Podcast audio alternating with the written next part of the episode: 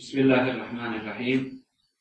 الحمد لله رب العالمين والصلاة والسلام على أشرف الأنبياء والمرسلين نبينا محمد وعلى آله وصحبه أجمعين. قال ربنا عز وجل في كتابه الكريم يا أيها الذين آمنوا اتقوا الله حق تقاته ولا تموتن إلا وأنتم مسلمون. Zahvala pripada uzvišenom gospodaru, neka je mir i spas na posljednjeg poslanika Muhammeda sallallahu alaihi wa sallam. Naš gospodar Allah Želešanu je objavio u svojoj časnoj knjizi Kur'anu o vjernici vojte sa Allaha istinskom bogobojaznošu i ne umirite nikako drugačije nego kao pravi muslimani. A zatim, e, uvažena i cijenjena publiko, Assalamu alaikum wa rahmatullahi wa barakatuh. E, tema koju je odebrao naslov teme ili naslov ovog predavanja koju je odebrao organizator je e, Bošnjaci, Islam i Bošnjaci u BH medijima. Iako sam im ja a, poslao dva prijedloga, a, onaj drugi koji, koji, a, koji nije stavljen u naslovnicu je u, upravo tema našeg predavanja. Mada se dakle može podvesti pod ovaj opći, op, pod ovaj opći naslov a to je e, anti-islamsko ili anti-bošnješko djelovanje BH medija. Ja bih ga odredio zato što će tema ići u tom smjeru. Kad kažem anti-islamsko i anti-bošnješko djelovanje, to ne zna, e, to znači da e, nije sve u BH medijima crno kada je u pitanju islam i bošnjaci. Ali mi ćemo govoriti o ovome segmentu. E, dakle, pokušat ćemo da, da rasvijetlimo ovaj, ovu stranu BH medija. Zašto, smo se, zašto sam se e, e, odlučio govoriti upravo o ovoj temi? Ima više razloga. Prvi razlog je taj što je sataniziranje islama, islamskih obilježja i bošnjaka kao nosioca islama i pripadnika islamske vjere u većini jer ima i bošnjaka koji se deklarišu kao ovaj, agnostici i kao uh, ateisti. Ali, dakle, gro bošnjaka se identificira sa islamom kao vjerom. E, sataniziranje, dakle, islama i bošnjaka je postala jedna od prepoznatljivih odlika e, BH medija. I stoga je nužno govoriti o ovoj temi. E, s druge strane, nužno je govoriti o ovoj temi i zato što nijedna vjera nije stavljena u kontekst u kojeg je stavljen islam, a to je kontekst terorizma. Bez obzira e, šta uradili pripadnici drugih vjera i šta u ime tih vjera uradili i učinili, jedina vjera koja se danas, dakle diljem planete, stavlja uz riječ terorizam i islam, islamski terorizam. Nismo čuli bar ja nisam čuo do sada da je neko rekao kršćanski terorizam ili budistički terorizam ili neki drugi terorizam. Ovo ne znači niti ovo poziv da neku vjeru treba poistovješivati sa terorizmom i staviti je zajedno u isti koš sa terorizmom. Jer sve vjere, u stvari nije mi poznato da i jedna vjera koja danas egzistira na, na, na ovaj, Dunjaluku, da ljude postiče na terorizam, da ljude postiče na ubijanje drugih ljudi, da o, postiče na, na ovaj na činjenje onoga što se danas zove terorizmom. Dakle, ovo nije poziv da se neka druga vjera poistovjeti sa terorizmom. Ali zašto se samo islam izdvaja? Sa svih strana ima pojedinaca koji zlopotrebljavaju vjeru. I koji u ime vjere rade ono što radi. Čak ima i onih koji transparentno to rade. Kao što je vaš komšija ovdje, prije otprilike godinu dana, koji se izjasnio da je ono što je uradio u Jasenicama, kada je pucao na džami u Jasenicama, da je to uradio zbrđe prema islamu. I opet to nije okarakterisano kao kršćanski terorizam. Kršćanstvo je svakako čisto od toga, Ali niko se nije dosjetio da kaže da je to kršćanski terorista.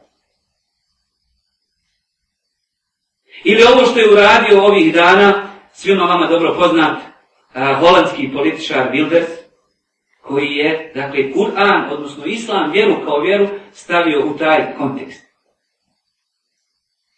Treći razlog zbog čega sam se odlučio baš na ovu temu govoriti, jeste da dignem glas, odnosno da mi svi zajedno dignemo glas protiv takvog tretiranja islama, bošnjaka i muslimana. Dobrim dijelom situacija ovakva kakva jeste, zato što smo mi odabrali umjesto hrabrog stava, umjesto borbe svim zakonitim sredstvima protiv takvog odnosa prema bošnjacima i islamu, odabrali smo šutnju.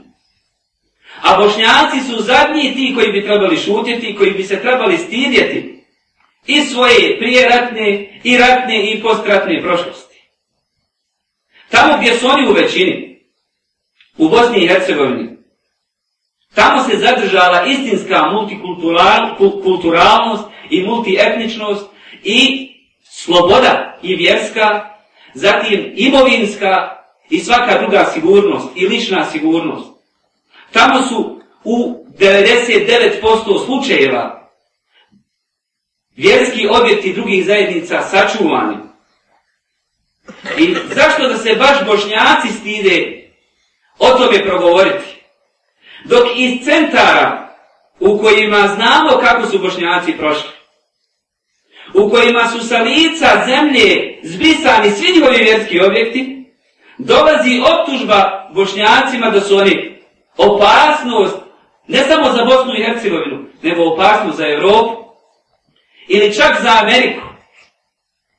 Čuli ste nedavnu izjavu američkog predstavnika koji je posjetio Bosnu i Hercegovinu nakon dužeg vremena, kada je kazao da u Bosni, da se u Bosni i Hercegovini nije dogodio Dejtonski sporazum, postojala mogućnost da odavde se izvrše napadi na Ameriku.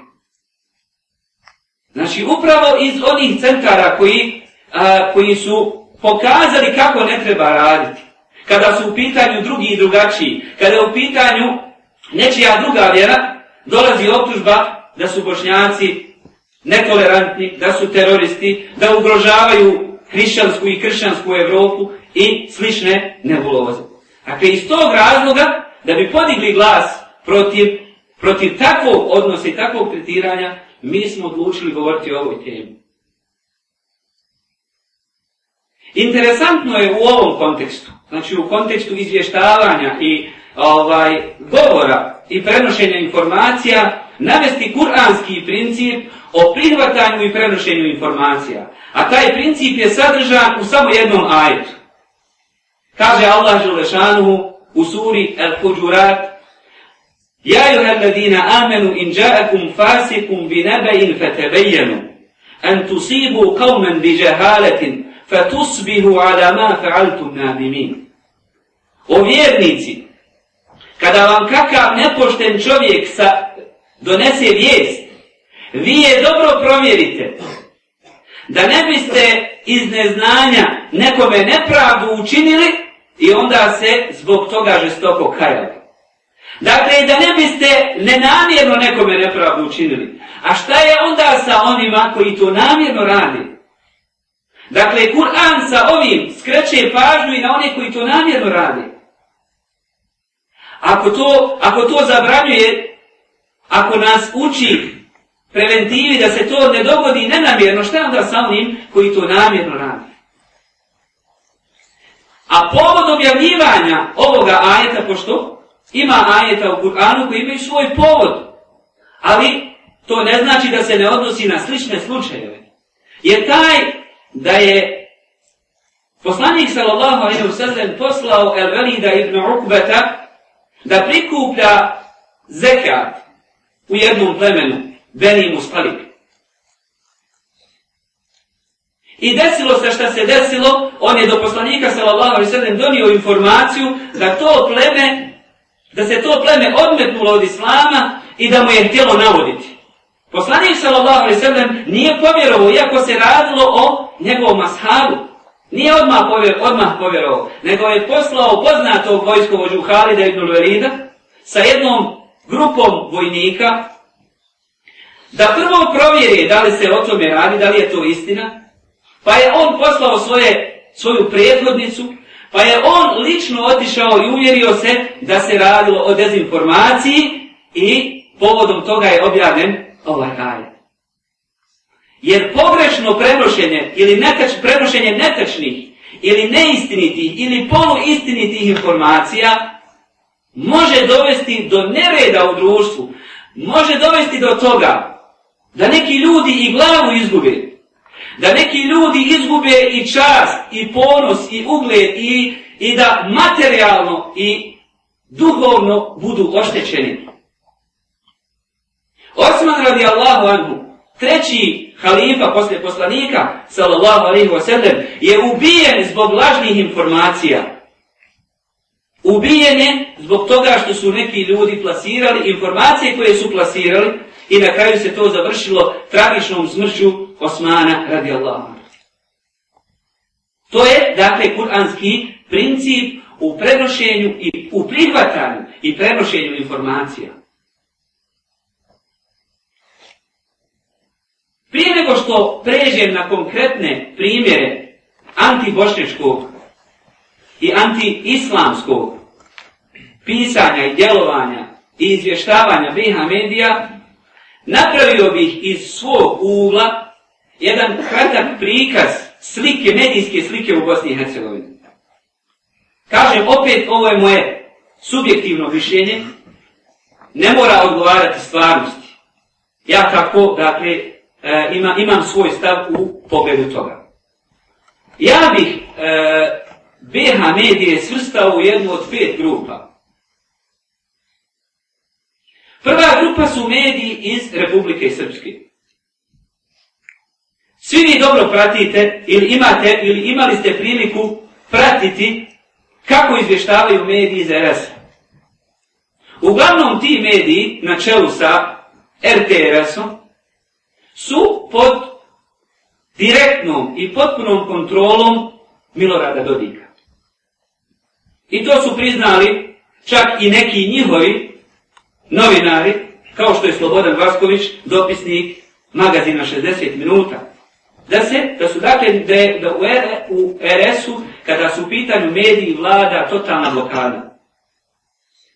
Ako znamo da su ti mediji pod direktnom kontrolom Milorada Dodika, onda nam nije teško zaključiti u kojem smjeru ti mediji idu ili koje, koji su kurs zauzeli. A to je kurs Milorada Dodika, koji se izvojit ćemo dakle, E, koje karakterišu tri, tri momenta. Prvi je što jača i prosperitetnija Republika Srpska, a što slabija i što nemoćnija Bosna i Hercegovina. I to smo se mogli uvjeriti, dakle, i iz njegovih nastupa, a i iz izvještavanja, čak u, dakle, njihovim vijestima nemate prognozu vremena iz Bosne i Hercegovine, nego prognoza vremena iz Republike Srpske. Dakle, Bosna i Hercegovina se čak i u prognozi vremena ne spominje. I nikada skoro ili rijetko nećete čuti da kažu potpuni naziv Bosne i Hercegovine, nego BiH. Dok se Republika Srpska, kada bi je hiljadu puta spomenuli, spomenut će Republika Srpska, neće kazati RS. Dakle, prva odrednica je ova, ili prvi moment. Drugi moment je predstavljanje Bošnjaka kao nekakvih radikalnih ekstremista, vehabija, od kojih Republika Srpska, odnosno Milorad Dodik, brani Evropu. Imamo dokaza za to? Imamo. Milorad Dodik je prilikom posjete Americi za, za jedan njihov medij, Max News, izjavio da je 30% bošnjaka, da 30% bošnjaka pripada radikalnim vehabijama. Banja Lučki, Banja Lučka dnevna novina Fokus kaže u jednom od svojih tekstova da u Bosni i Hercegovini ima oko 200.000 vehabija. 200.000 Vahabija. Kako su dobili tu brojku, odakle im te informacije, dakle to se namjerno, namjerno čini i namjerno se plasira. Ovim informacijama ćemo se poslije vratiti kada budemo govorili o konkretnim primjerima antibošnjačke i antiislamske, antiislamskog djelovanja BH medije. To je dakle i treća karakteristika ovakvih medija, odnosno medija iz RS-a, jeste relativiziranje, minimiziranje zločina koje, kojeg su počinili kojeg su počinili Srbi za vrijeme rata u Bosni i Hercegovini. A preuveličavanje stradanja i zločina koji su navodno nad njima počinjeni. To je uradilo, ispadne da je to uradilo par pripadnika Vojske Republike Srpske. Iako u presudi Međunarodnog suda stoji da je to uradila vojska i policija Republike Srpske, oni uporno govore, to su pojedinci. Pojedinci su mogli ubiti tolike ljudi. Motve morao biti organizovan sistem u kom je svako imao svoj ulogu. A s druge strane, gledao sam neku noć jednu emisiju na RTRS-u o zločinima nad Srbima u Sarajevu. Gdje Aman Zeman, svi su Srbi pobijeni. Takvu atmosferu i tako, tako izvještavaju, e, izvještavaju svoj narod. I tako mu e, mažu oči sa takvim, sa, sa, sa informacijama koje, koje stvarno treba čovjek biti maher u laganju da ih izmisli. Mi ne nemiramo da je nad nekim počinjen zločin, neka se to dokaže. Ako je zločin uradio pripadnik bošnječkog naroda, neka odgovara za taj svoj zločin. Ali šta se radi? Ovdje se dakle od Srba pravi, u RS-u se pravi e, narod nad kojim je počinjen genocid, koji je još, još se jednom pokazalo koliko ova, koliko, kolika su srpska stradanja i tako dalje i tako dalje. To su dakle karakteristike ove prve grupe medija, medija iz RS-a. Rijeki su pojedinci, kao što je o, malo prije spomenuti novinar, koji prolazi kroz šta prolazi, a čuli ste i to ste imali priliku vidjeti i gledati. Koji se usude govoriti o, o onome što se događa i na medijskoj i na političkoj sceni u RS-u. Druga grupa medija su, možda sam sa njom trebao i krenuti, državna i federalna televizija. Iako, dakle, ova dva medija, pokušavaju e, javnosti Bosne i Hercegovine sebe predstaviti kao nekakve neutralne e, medijima svih građana, e, nepristrasnim, ipak ono što smo mogli vidjeti, u pogotovo u posljednjih godinu dana, ni oni nisu čisti od ovog anti-islamskog i anti-bošnješkog konteksta. To su dokazali sa svojim izvještavanjima dakle u kojima ćete vidjeti da su da je da je velik broj priloga napravljen o vehabijama, o islamistima, a niti jedan prilog o četnicima koji transparentno rade, čak možda ni u ratu nisu transparentno radili kao što sada rade. Sad imaju svoje organizacije, imaju svoje prostorije, registrovani su, možda će čak biti i priznati kao i u Srbiji, kao regularni, regularni, kao regularne postrojbe. Znači, u ovim medijima, u medijima koji smo spomenuli, a to je državna televizija i ovaj e, federalna, nećemo naći takve priloge. Zato što ti prilozi nisu interesantni, ne donose nikakvu financijsku korist.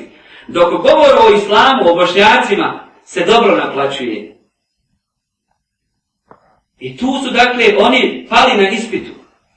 Pali su na ispitu zato što su, e, i to nam je kazao, dakle, e, ovaj, bivši urednik informativnog programa BHT1, Amir Zukiš, koji u intervju za SAF 194. broj SAF-a kaže da je najviše pohvala od upravnog odbora dobio onda kada je govorio o vehavijama i kada je pravio priloge o vehavijama.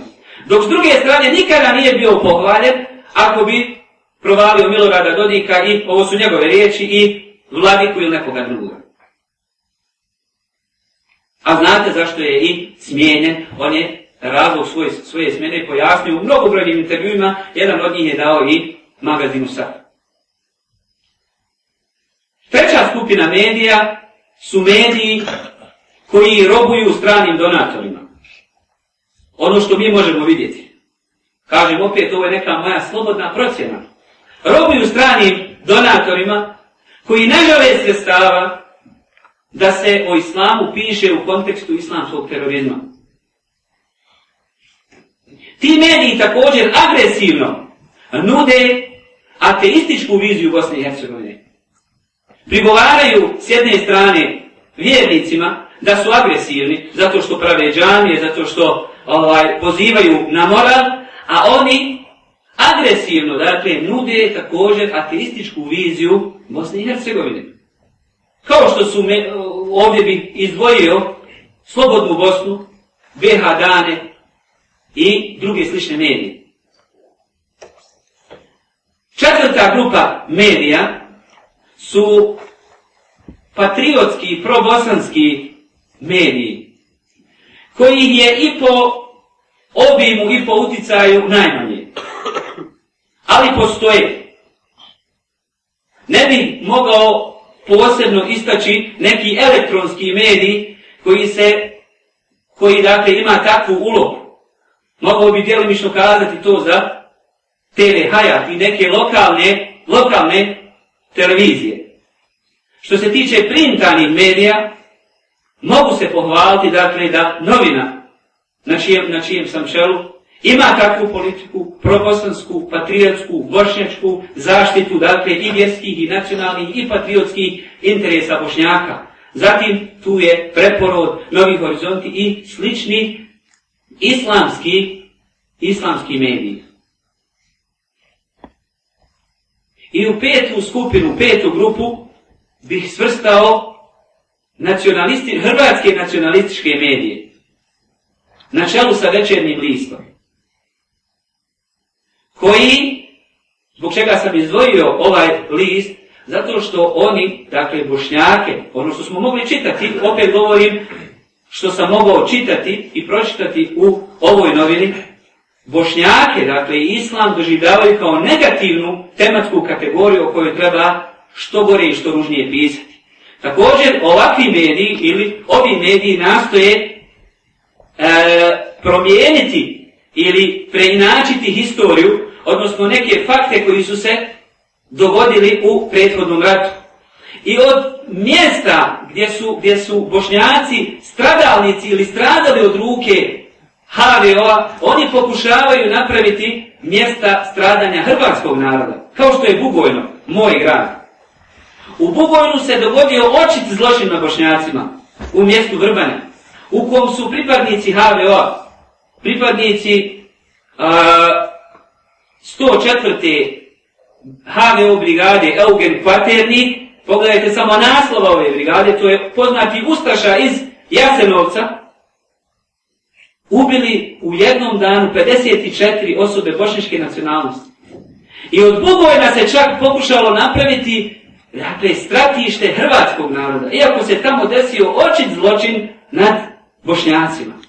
A večerni list, kada je, opet se vraćam na svoj medij, SAF, kada je SAF u 193. broju na naslovnici objavio sliku HVO bojovnika bugojanskih ispod e, fašističke zastave i fašističkih obilježja, oni su okrenuli priču u sasvim suprotnom smjeru.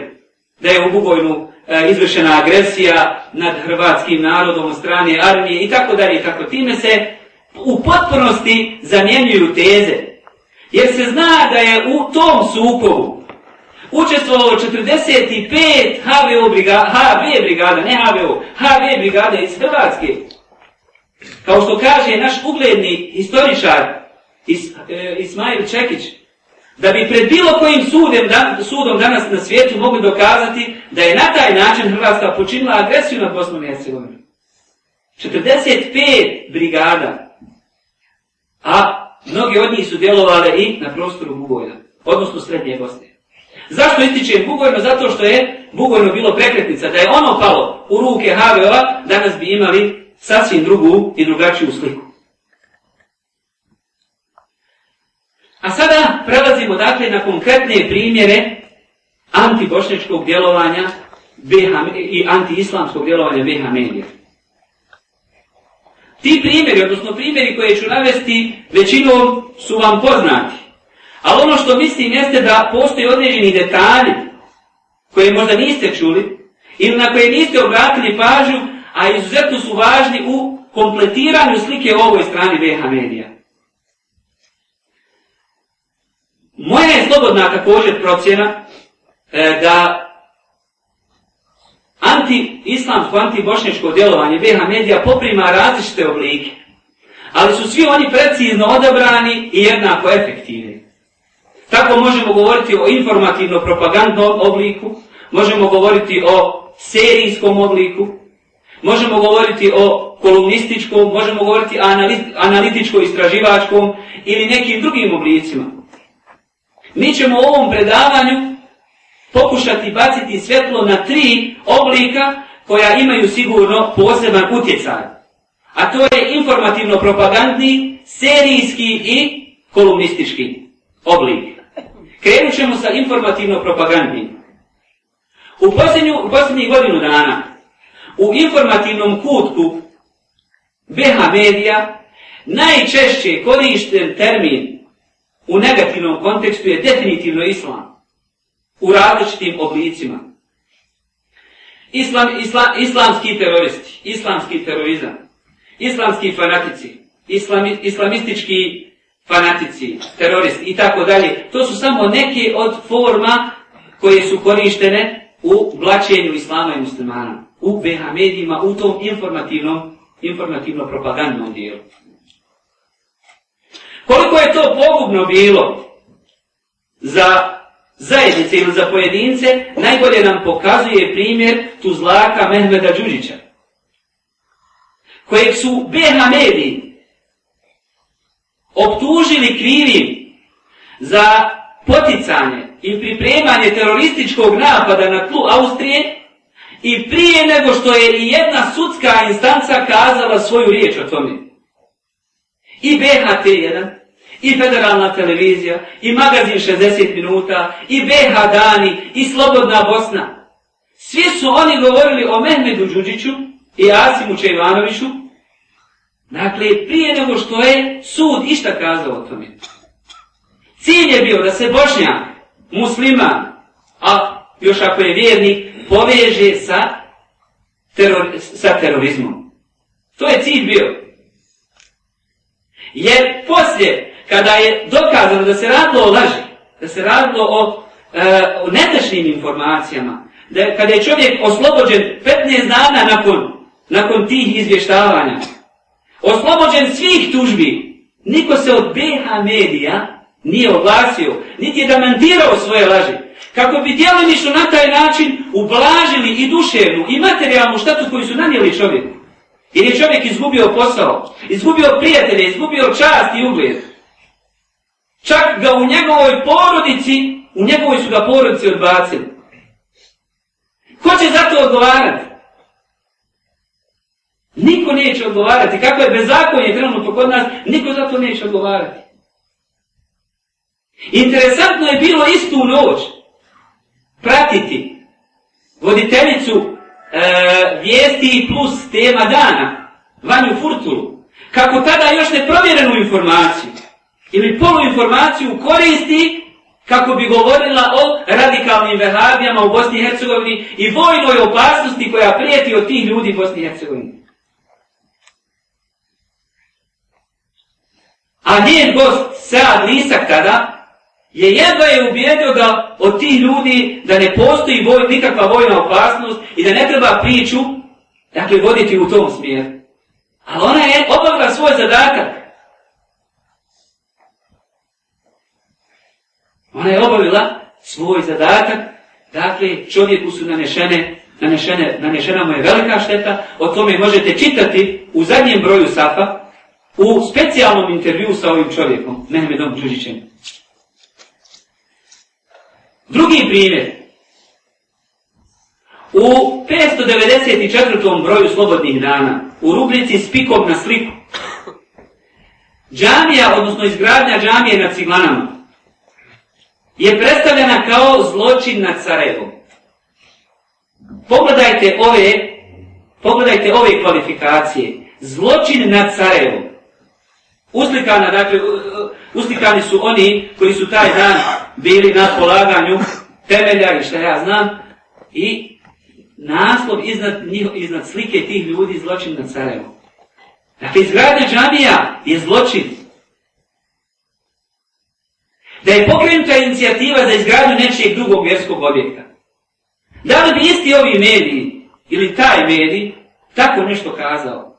Mada je to zabranjeno, mi smo protiv toga da se, i, da se i jednoj vjeri, dakle da se jedna vjera poisto vječuje sa zločinom.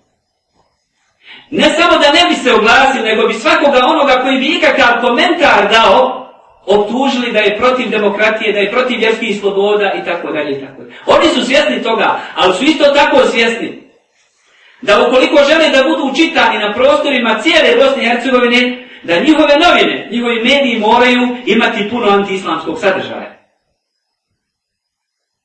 Jer nećete, dakle, nećete takvu konstrukciju naći čak ni u srpskim i hrvatskim medijima. Zločin na Sarajevo. Iako su ispoštovani svi zakonski okviri, uklonjene sve zakonske prepreke, pet godina se dakle vodila procedura za izgradnju te džamije. I da je absurd veći, to je vakupska zemlja. Cijele ciglane su vakupska zemlja koja je u vrijeme komunizma nasilno otjeta bošnjacima. I ne može se na komadu, jednom komadu te zemlje napraviti džamija koja je 10 sa 10. Nisu problem kapane, nisu problem, nisu dakle problem mjesta gdje se od ljudi prave životinje. U, u većini slučajeva. Nego je problem mjesto gdje će čovjek postati čovjekom. Ali haj, ti to tako ne prihvataš, ti to tako, ti gledaš stvar kroz zakonski okvir. Zakonom je sve, sve su, svi su dakle uvjeti zakonski bili ispoštovani. I zašto zločin onda? Njihova braća iz magazina BH Dan na naslovnici objavljuju sljedeći naslov. 99 džamija za multietničko Sarajevo. Šta je poruka? Dakle, ovo, ovi naslovnici. Da džamije smetaju multietničnosti. Ne može biti, dakle, neko mjesto u kojem ima puno džamija, ne može biti multietničko. Iako su muslimani kroz historiju naučili druge multietničnosti. Samo zahvaljujući vladanju muslimana ovim prostorima, onoliko koliko su vladali, zadržala se multietničnost. Jer tamo gdje su god oni dobili drugi priliku, uklonili su muslimane sa tih prostora. Uklonili su i kulturne i bilo koje druge znake postojanja muslimana. Pa najbolji nam je primjer prošli rat. U RS-u bošnjake sada možete izbrojati na prste. Dakle, problem su džamije. Dobro, šta je sa zapadnim Mostarom? Šta je sa e, ovaj, Banja Lukom? Šta je sa drugim gradovima u kojima se zna da kako žive bošnjaci i kako se tretiraju i kako se prema njima odnosi? E, Sarajevo je glavni grad, da možemo mi posmatrati, gledati Sarajevo jednako i, i druge gradove.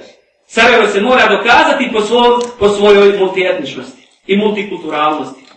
Dobro, pa šta je problem? Ko to brani nekome iz, od pripadnika drugih vjera da pravi, džamije, da pravi crkve u Sarajevo? Je li to im neko zabranio, je li to im neko osporio? Jel, to, jel bi to bošnjaci trebali dokazati svoju multietničnost građenjem crkava? Šta hoćete od bošnjaka? Nije, nije nam jasno. Ako je Sarajevo problem sa 99 džamija, onda je i Mostar problem sa preko 30 džamija. Onda je problem i moje Bugojno u kom ima 9 ili 10 džamija. Problem je dakle džamija. Jer to je poruka dakle ovoga, ovoga naslova. Ili nam pojasnite šta ste s tim naslovom nešto, ako ste nešto drugo mislili, ako ste nešto drugo ciljali, pojasnite nam. A to je prva poruka koju ja razumijem, a pretpostavljam da razumijete i svi vi. Da ne može biti Sarajevo takvim kakvim ga vi želite, ako u njemu ima puno džamija. Sarajevo je prije tako bilo. Neće niko da spominje činjenicu da je od Austro-Ugarske pa do današnjih dana porušeno 37 vjerskih objekata muslimana, a ni, ni jedan objekat od pripadnika drugih vjera. I u, dakle, i u vrijeme Austro-Ugarske, i ovaj, prve Jugoslavije, i druge Jugoslavije, i dakle u ovome ratu, porušeno je toliko vjerskih objekata bošnjaka. Oduzeto vakupske zemlje koliko god hoćete. Srušeno i porušeno mezaristana, e, jednostavno bez ikakvih, bez ikakvih obrazloženja, bez ikakvih traženja, traženja dozvola, to je urađeno sa bošnjacima. E, nijedna velika ulica u Sarajevu se ne zove po bošnjaku i opet Sarajevo nije multietično. I e, šta vi hoćete, nije nam jasno. Dakle, ono što nas navodi na onaj zaključak, moj zaključak, da su to, dakle, mediji koji robuju strani, neko ih plaća za to. Jer nemaju validnih argumenta da bi tvrdili to što tvrdi. Nije problem što se, ne znam, u izgradnju olimpijskog bazena u Sarajevu potroši, ili će se potrošiti 20 miliona konvertibilnih maraka. Što će se za neku manifestaciju u kojoj će se popiti potoci alkohola i neće se nikakva korist donijeti ni gradu, niti građanima Bosne i Hercegovine, to nije problem. Nije problem da se s time poredi. Kaže, hajmo praviti fabrik, hajmo praviti fabrike, hajmo praviti bolnice, hajmo ovo ili ono. Zašto se ne kaže, bolje bi bilo da ne trošimo u proslavu nove godine, nego da, bolje bi bilo da te pare potrošimo za izgradnju bolnice. Jer od proslave nove godine imamo hiljade pijanih ljudi, imamo hiljade incidenata, imamo hiljade tuča, problema i tako dalje. Ali ne problem je džanija. To je, dakle, ovaj informativno-propagandni oblik. Drugi oblik je serijski oblik. Šta, šta, šta po tim podrazumijevam? Ovome sam, poseb, ovome sam problem posvetio poseban uvodnik u Safu. Pod naslovom Zapečačeni FTV pitanje. Audirajući time na seriju, vama dobro poznatu, koja se odnedavno počela prikazivati na federalnoj televiziji, serija Pečat. Tom prilikom i ovom prilikom izdvojio sam tri momenta na koja mislim da treba ukazati. A koje, koje sadrži ova serija. Prvi moment je ispitivanje vehabijskog teroriste na aerodromu. Gdje imamo s jedne strane znači vehabijskog teroristu, kriminalca, sa Kur'anom u ruci, obavezno. I s druge strane, s druge strane upeglanu inspektoricu DGS-a, koja dakle, e, koja ga vrijeđa tokom ispitivanja, govori mu da je njegova ideologija otrovna, da je on, u stvari, oni koji su sa njim, da su to novo komponovani vjernici, da su to bili prije kriminalci, da oni maltretiraju i terorišu svoje žene i tako dalje i tako dalje. Sve to u jednom običnom razgovoru, inspektorskom razgovoru na aerodromu. To je prvi moment ili prvi detalj koji je interesantan. Drugi detalj koji je interesantan, jesu dvije neizmjenične slike koje nam se nude u isto vrijeme. Jedna je, dakle, kriminalac sa Kur'anom u ruci, a s druge strane kompletan čin krštenja u jednoj od carevskih crkava. To je za ne povjerovati. Dakle, i to se te dvije slike smjenjuju. Prvo se, prvo, prika, prvo se prikazuje, dakle, čovjek na aerodromu sa Kur'anom u ruci i on je kriminalac. A s druge strane, dakle, kompletan čin krštenja u crkvi. Nije li to problematično? I treći detalj su riječi koje onaj stražar koji čuva Jusufa, teroristu, upućuje njemu kada je oslobođen, kaže mu, moja sestra je udata za jednog od vaših. Za jednog od vehabija. Znači, DGS specijalac ima veze s vehabijama. Bošnjaci su vehabije. Bez obzira koliko se predstavljali modernim, koliko se pre predstavljali da, da ovaj, se brinu o sigurnosti svih građana, oni su vehavi, imaju veze sa vehabijama. E sad nam biva jasan onaj podatak od 200.000 vehavija u Manjalučkom fokusu. Dakle, bilo ko ko ima ikakve veze, ili tazbinske, ili kakav kontakt sa vehavijama, i on je vehavija. Odnosno onih dodinkovih riječi da je 30% bošnjaka da su vehavije. To imamo u tom serijskom obliku. Ali kad ovome dodamo još činjenicu da se u subotnjem, u, u subotnjem terminu prikazuje i još jedna druga američka serija, Spavač, u kojem glavnu terori, u kojoj glavnu terorističku ulogu igra Bošnjak i Arab koji je bio u Bosni i Hercegovini, onda nam stvar biva potpuno jasna šta se tim serijama želi kazati. Bošnjaci su teroristi, bošnjaci su vehavije, bošnjaci su ti od koji nam prijeti opasnost. Za ovu seriju prethodnu odabrani su glumci iz regiona, kako bi serija bila gledana, i možete misliti kako su naše komšije, istočne i zapadne, kako su likovale nad ovom izluđenom previsom da su bošnjaci, da su bošnjaci jednako je vehabi, jednako je teroristi, jednako je radikali. I treći oblik kojeg sam izdvojio je kolumnistički, dakle pisanje posebnih kolumni o ovome problemu. Ovakvih kolumni najviše možemo čitati u danima, Slobodnoj Bosni i djelimično e, novini oslobođenja. Iako su dakle ova dva prethodno spomenuta medija poznati po anti, anti-islam, anti-islamskom djelovanju i anti-bošnjaštvu, ja bih ipak izdvojio jednu kolumnu iz oslobođenja da nešto o njoj kažem. U stvari dvije kolumne iz oslobođenja. A ove je napisao Ahmed Burić, zamjenik glavnog i odgovornog urednika. U prvoj kolumni Ahmed Burić naziva, je, naziva Ezan jezivim. I još dodaje u toj svojoj kolumni da je svjestan da će mu ljudi zbog toga imputirati anti, Anti Da će ga ljudi staviti u određeni kontekst. Što znači da je on svjesno to uradio.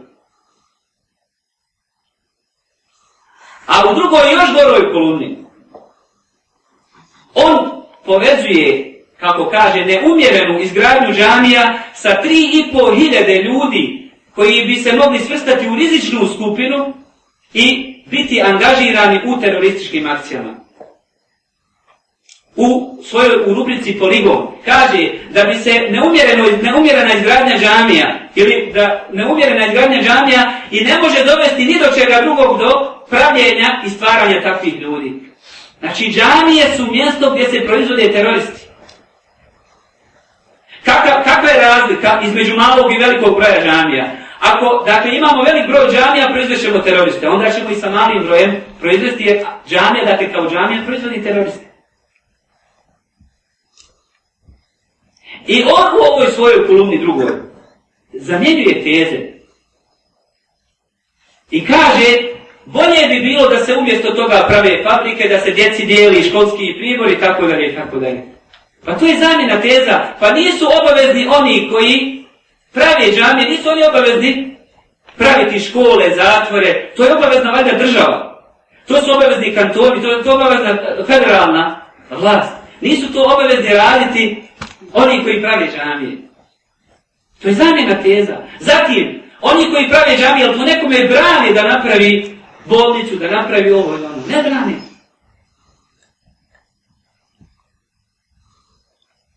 Također, e, kolumnistica Nana i urednica ovaj, Vildana Selimbegović u svojoj kolumni u, od 11.4.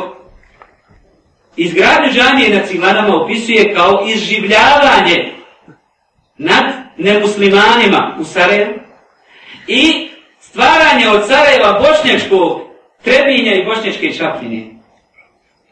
Znači, izgradnja džamije na Ciglanama je zločin jednak onome u Trebinju u kojem je od 6000 stanovnika bošnjačke nacionalnosti ostalo njih desetak.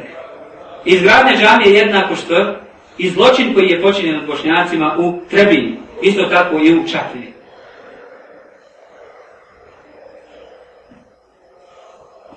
Zatim, urednik Slobodne Bosne, Sena Abdić, u svojoj kolumni, koju je također posvetio izgradnji džamije na Ciganama, kaže, u stvari naziva tu izgradnju posljednjim krikom, Alije, Alijinim alinim krikom iz mezara. Zašto oni izgradnju džamija povezuju sa političarima? Kada nisu političari ti, kao što tvrdi u svojoj kolumni u zadnjem broju Safa, Kemal Zukić, nisu političari ti koji grade džamije. To su uglavnom ili donatori, ili dobri ljudi, obični ljudi, kojima je stalo da imaju džamiju. A džamija na ciglanama je potrebna. Ono što se plasira u medijima je neistina. Prije svega to je vakurska zemlja. I ne traži se puno. I nije se niko sa ciglana bunio protiv toga. I postoji ispoštovane zakonske, ispoštovane su zakonske procedure. Zašto se dakle od, te, od pravljenja te džamije ima pozadina? Želi se dakle nešto drugo, a ne osporiti pravljenje džamije i nije potrebna i slično tome. Na kraju bi e, svakako svi mi se pitamo kako da se odnosimo prema ovoj anti-islamskoj, anti-bošničkoj kampanji. Šta mi trebamo da uradimo? Ili šta je dobro da uradimo? Prije svega, mi se protiv ove kampanje trebamo boriti argumentovano.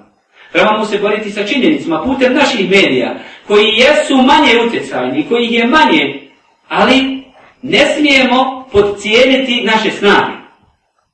Imamo određene medije putem kojih trebamo e, plasirati tačne informacije o onome što se događa. I kada je u pitanju izgradnja žamije na cilanama i drugih problema. Kada se ljudima ponude činjenice, onda ono što je govorio onaj koji nema činjenica i koji je govorio e, instruiran od, od, sa određene strane, vidješe ljudi i, i vidješe svako onaj koji je nepristrasan i koji je pravedan da se radilo o kampanji, da se radilo o propagandi i tako da. Druga stvar koju mi trebamo, mi bošnjaci trebamo uraditi, jeste da se vratimo toj džami, da se vratimo svojoj vjeri. Pa da pokažemo onima koji Dakle, optužuju vjernike ili optužuju džamije za proizvodnju terorista, proizvodnju radikala, da pokažemo šta je taj čovjek koji iziđe iz džamije. Jer oni koji nisu ušli u džamiju, a to su svi ovi koji pišu, ne znaju šta je slaz džamije, ne znaju šta džamija od čovjeka radi, koji je to život i koji je to uvođaj koje čovjek osjeća dok posjeti Božiju kuću. A kako li kada se druži s tom kućom i kada u njoj obitava i kada u njoj provodi svoje vrijeme umjesto po birtijama u kojima sigurno neće, neće osjetiti ni takav život ni, ni tu duhovnu slast. Zatim, protiv ovoga ili protiv ovakvog odnosa prema bošnjacima možemo se i trebamo se boriti pomaganjem medija koji plasiraju i drugu stranu priče, koji nam godinama pokušavaju ukazati kako se o bošnjacima piše i prikazati druge, druge dokaze ili argumente koji idu protiv onoga što se, što se govori. Dakle, takvi mediji uglavnom su u Bosni i Hercegovini e, nemaju jak utjecaj. I nemaju mogućnosti koje imaju spomenuti mediji. Oni uglavnom žive od kupovine i od pretplate. Nemaju oni ovaj mogućnost e, reklama kao što se kao što imaju spomenuti mediji. Jer svi jer sve, sve ovaj spom, poznatije firme boje se reklamirati u takvim novinama i u takvim časopisima.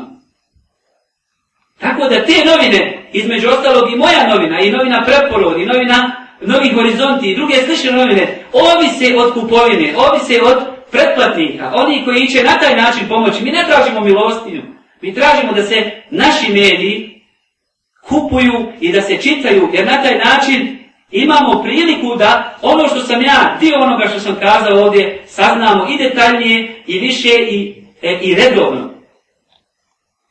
Nemojmo smatrati da je neko drugi odgovoran za takve medije, da neko drugi treba pogurati i pomoći, jer su ti mediji ostavljeni i od strane političara i drugih. Mi smo ti, mi, dakle, obični bošnjaci smo ti koji trebamo pomoći takve medije. Svojim, svojim, dakle, boljim odnosom prema, prema onome što sam spomenuo. Na kraju, mi se sami moramo boriti za svoja prava. Nemojmo čekati da se neko drugi izbori. Nemojmo čekati da ovi mediji prestanu pisati o nama. Ili da se da nas neko drugi zaštiti. Mi se sami moramo izboriti za svoje pravo. Mi sami o sebi moramo kazati ono što jesmo. Mi sami moramo Dakle, stati na branik onoga što se zove islam i bošnjaštvo. I na kraju bi poručio onima koji o islamu pišu na ovakav način i bošnjacima, da ih nećemo ostaviti na miru dok oni ne ostave na miru islam, muslimani i bošnjake. S ovim bi završio, molimo Allah Želešanu da nam oprosti grijehe, da nas uputi na pravi put, učini nas iskrenim vjernicima, dobrim ljudima i onima koji će koristiti svojoj zajednici i Eh, da nas uputi na ono što će nam donijeti dobro i na ovome i na onome svijetu.